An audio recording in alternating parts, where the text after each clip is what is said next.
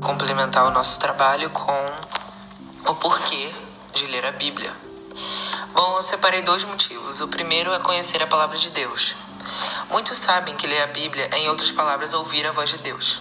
A Bíblia é a palavra de Deus. Quando você lê a Bíblia, Deus fala com você. Tudo que Deus diz tem poder. Ao ler e estudar a Bíblia, você se aproxima de Deus, você o conhece e você também o obedece. Né? Vou trazer também um versículo agora que fortifica essas afirmações. Mateus 4, versículo 4.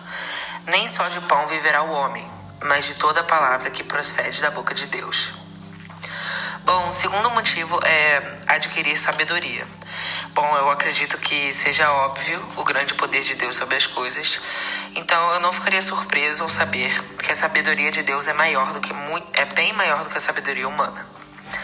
A Bíblia está cheia de bons conselhos e ensinamentos, além de instruções e respostas para nada mais nada menos que todas as áreas da vida, e contém um principal ingrediente, a verdade, que não acredito, que não adiantaria nada se não fosse verdade, né?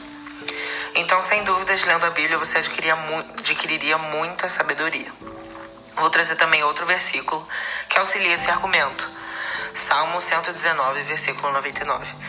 Tenho mais discernimento do que, que todos os meus mestres, pois medito nos teus testemunhos. Muito obrigado.